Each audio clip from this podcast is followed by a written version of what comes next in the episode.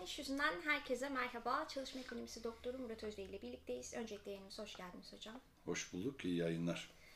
E, bugünkü yayınımızın konusu işten atmalar olacak. E, şöyle ki geçtiğimiz hafta diske bağlı Enerji Sen Sendikası'nın örgütlü olduğu Enerji SA'da e, aralarında 7 iş yeri sendika temsilcisinin de olduğu çokça işçi işten atılmıştı. E, aynı şekilde 19 Mart'ta İstanbul'da kurulu bulunan Xiaomi fabrikasında da e, 110 işçi e, daralma gerekçesiyle işten atılmışlardı.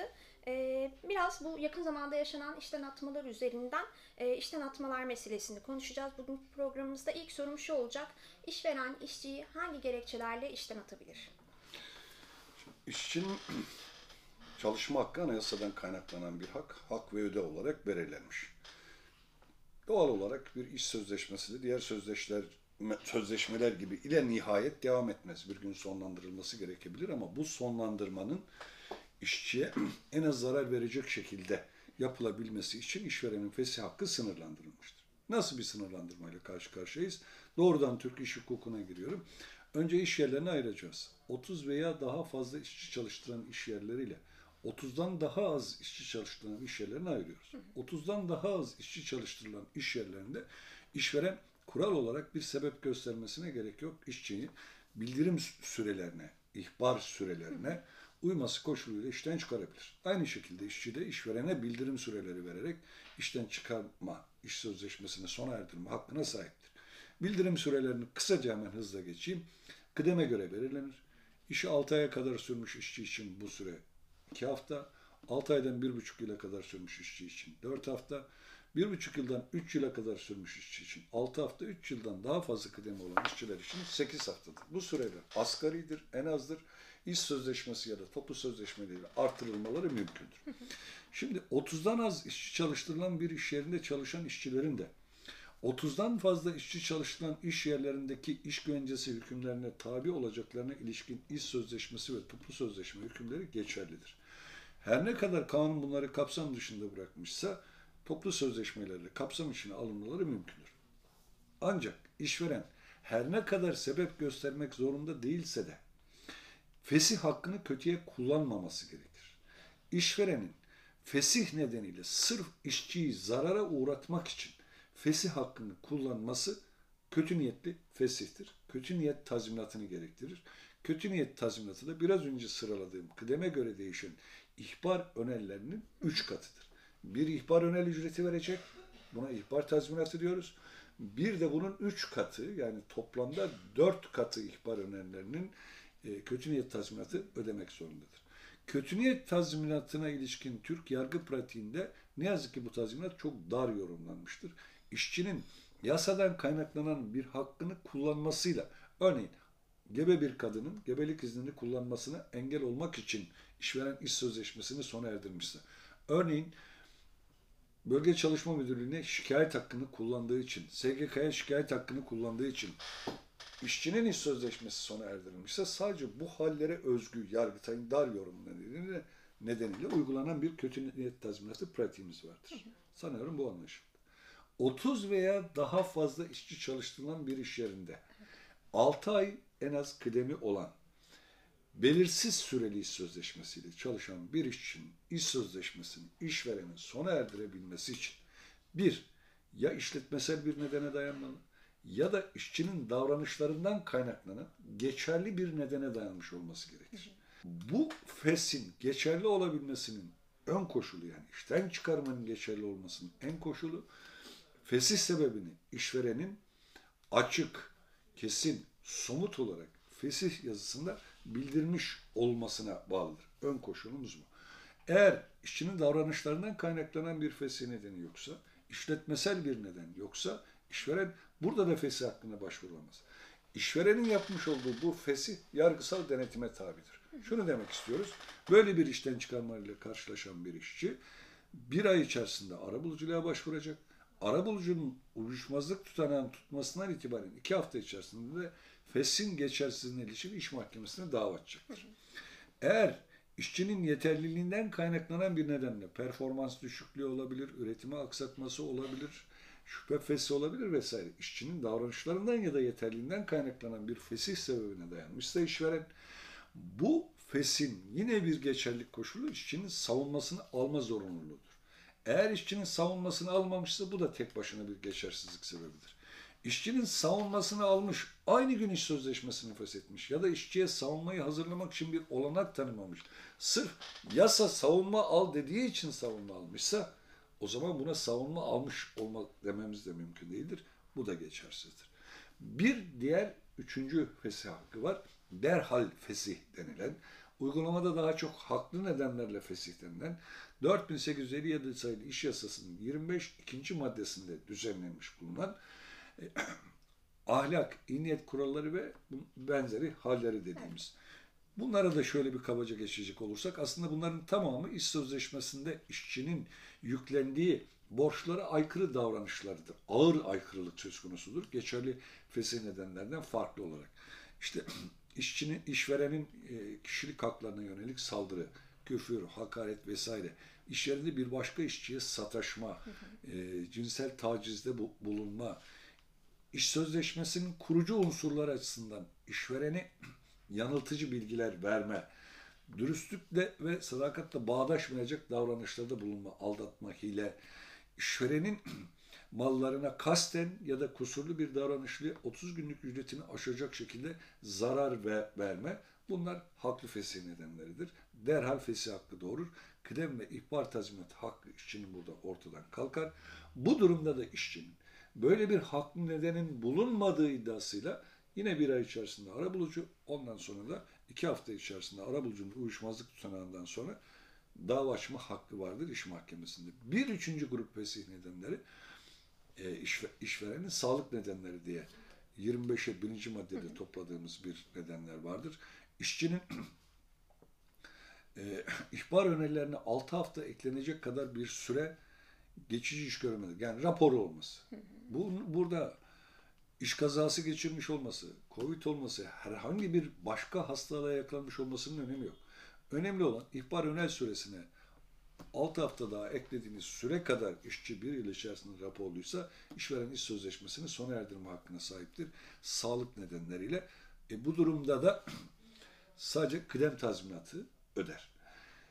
Zorunlu nedenlerle bir fesih halleri düzenlenmiştir. İşçinin iş yeri dışında işlediği bir suç nedeniyle tutuklanması, gözaltına alınması, bu tutukluluk hali nedeniyle işe gidememesi, zorlayıcı bir nedenle işin iki haftadan süreyle e, durması, hı hı.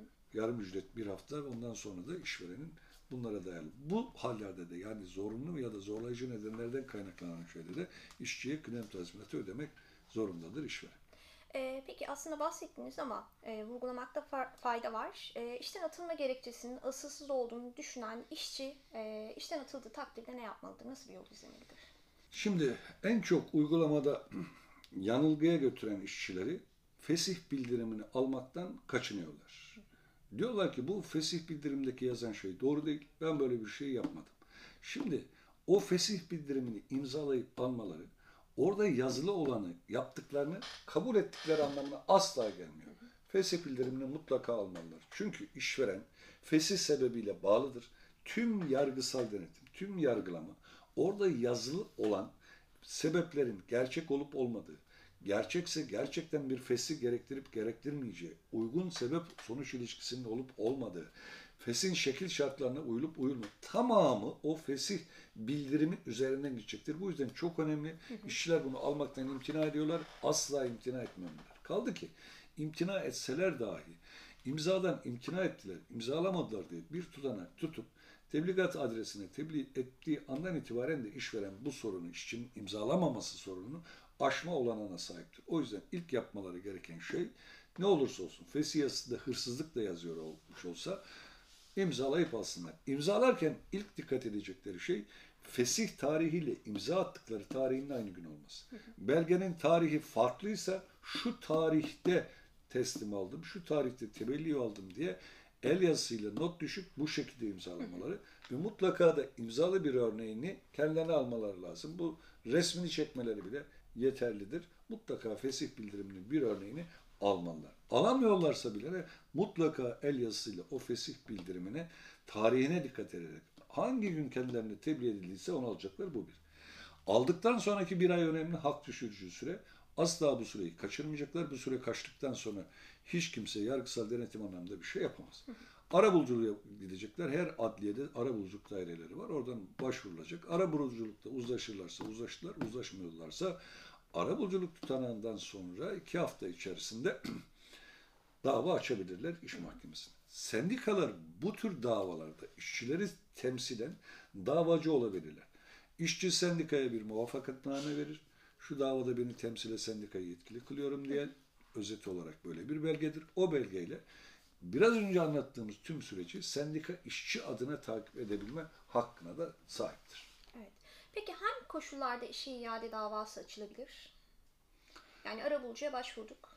Ee, buradan bir sonuç çıkmadı. Şimdi işe iade davası hangi koşullarda açılır sorusunun tek bir yanıtı yoktur. Ancak genel olarak şu lazım. İşçi şunu sorması lazım. Fesih sebebi olarak gösterilen sebep gerçek mi? Gerçekten örneğin işçinin davranışlarından kaynaklanan bir fesih sebebi varsa. İşçi gerçekten böyle bir davranışta bulunmuş mu? Bu davranış nedeniyle üretim aksamış mı? Bu davranış nedeniyle bir zarar oluşmuş mu? O davranışa bulunmaya işçi kendisi mi karar vermiş yoksa işveren öyle bir iş organizasyonu yapmış ki işçinin o davranışta bulunması o organizasyon içerisinde olağan bir durum haline getirilmiş. Sonra bulunduğunda da işçi işten çıkartılmış. Örneğin bir forklift şoförünü düşünüyorsunuz. Daracık bir depoda forkliftin hareket alanının alabildiği sınırlandırıldığı, yerden zaman kazanmak için manevranın olmadığı, raflardan görüş alanının olmadığı, gelgelcinin bulunmadığı bir ortamda çalışmaya zorlanan bir forklift şoförü diyelim ki bir raf devirmişse işte o zaman bakacaksın yani bu depoyu böyle düzenleyende mi kabahat yoksa orada manevra yapan işçide mi kabahat? İşçiden hiç kimse mucize beklememelidir. İşçi normal koşullarda çalışma yetenek ve becerilerini üretim sürecine yansıttığı andan itibaren borcundan kurtulmuş demektir. Bunun üstünde bir şey istiyorsa işveren öyle bir hakkı yoktur. Dolayısıyla işçi fesihte haksızlığa uğradığını zerre kadar düşünüyor ise bence bu davayı açmalıdır. Peki. Ee, şimdi başlarken söylemiştik Xiaomi fabrikasında e, ağırlıklı olarak işçilerin büyük bir kısmı 6 ayını doldurmalarına bir gün kala, 4 gün kala, bir yıllarını doldurmalarına bir gün kala işten atılan işçiler var. Bu şekilde işten atılmışlar. Şimdi bu hallerde tazminatlarını alabilirler mi? Şimdi kıdem tazminatı için yılı doldurmaları lazım. Hı hı. İşe iade davalar açmaları için 6 ay doldurmaları lazım. Bu 6 aylık süre bir işverenin değişik fasılalarla değişik değişik zamanlarda geçmiş olan süreler de olsa hı hı. toplanır. Bir iş yerinin başka iş yerlerinde de geçirmişse aynı işverene ait. Bu toplam süreler üzerinden hesaplanır bu bir. Ama süre dolmamışsa işe iade davası açamaz. Ancak işe iade davası açamayan bu işçi iş yasasının kapsamı dışında olduğu için kötü niyet tazminatı davası açabilir. Ayrıca eğer fesih yazısında gerçeğe aykırı haklı bir fesih nedeni, örneğin hırsızlık yaptı, örneğin cinsel tacizde bulundu, örneğin doğrulukla, bağlılıkla bağdaşmayan bir harekette bulundu iddiası doğru değilse, hı hı. o fesih yazısıyla işçinin onuru kırılmışsa, o zaman işçi bu kez maddi ve manevi tazminat davası da açma hakkına sahiptir. Bir yıl içerisinde açması gerekir bu dava. Ee, peki şimdi Enerjisa'da gördüğümüz e, durum ise şu şekilde yani aralarında 7 iş yeri sendika temsilcisinde olduğu çok sayıda işçi e, işten atılmış ve e, gerekçesi de uygun pozisyon yok e, denerek işten atılmışlar. E, burada şunu sormak istiyorum. İş yeri sendika temsilcileri haklı bir neden belirtilmeden e, işten atılabilirler mi? Atılamazlar. İşletmesel ya da davranışlardan kaynaklanan bir fesih sebebine dayansınlar. Hiç önemi yok açık, net yasal düzenleme haklı bir neden olmadıkça iş yeri sendika temsilcisi işten çıkarılamaz, iş koşulları değiştirilemez, nakle tabi tutulamaz nokta. Haklı neden biraz önce söylediğimiz gibi 4857 sayılı İş Kanunu 25.2'de belirtilen ahlak, iyi niyet kurallarına aykırı haller ve benzerleridir. Bunun dışında e, pozisyon kalmadı. Bunun dışında haklı nedenin dışında bunun derken onu kastediyorum. Pozisyon kalmadı. işletme küçüldü Tengisat'a gittik. Bunların hiçbirisi iş yeri sendika temsilcisinin iş sözleşmesinin sona erdirilmesinde haklı ya da geçerli neden olamaz, kabul edilemez. Evet. Eklemek istediğiniz bir şey var mı? İşten atlamalar. İş yeri sendika temsilcisinin haklı bir neden olmaksızın işten çıkartılması hali normal işten çıkartmadan farklıdır. Temsilci ya da temsilcinin e, üyesi olduğu sendika dava doğrudan sendika muvaffakat almadan da dava açabilir. E, bu dava sonuçlandığında iş yeri sendika temsilciliği süresince öyle 4 ayla falan sınırlı da değil çalışmış gibi tüm ücretle ücrete bağlı sosyal hakları ödenir. Kararın kesinleşmesine kadar bu ödeme yapıldıktan sonra temsilcilik görevi devam ediyorsa aynı şekilde ödeme devam eder. Temsilcilik görevi sona erdikten sonra işveren halen işe başlatmamışsa bu yeni bir fesih demektir. Yeniden işe iade davası açıp temsilci olduğu için sırf temsilcilik görevi nedeniyle işe başlatmaması nedeniyle ayrıca sendikal tazminatı isteme hakkına sahiptir. Peki. Ee, bu hafta Adaletli İş Yüzünden bu kadar. Önümüzdeki hafta görüşmek üzere. Görüşmek üzere.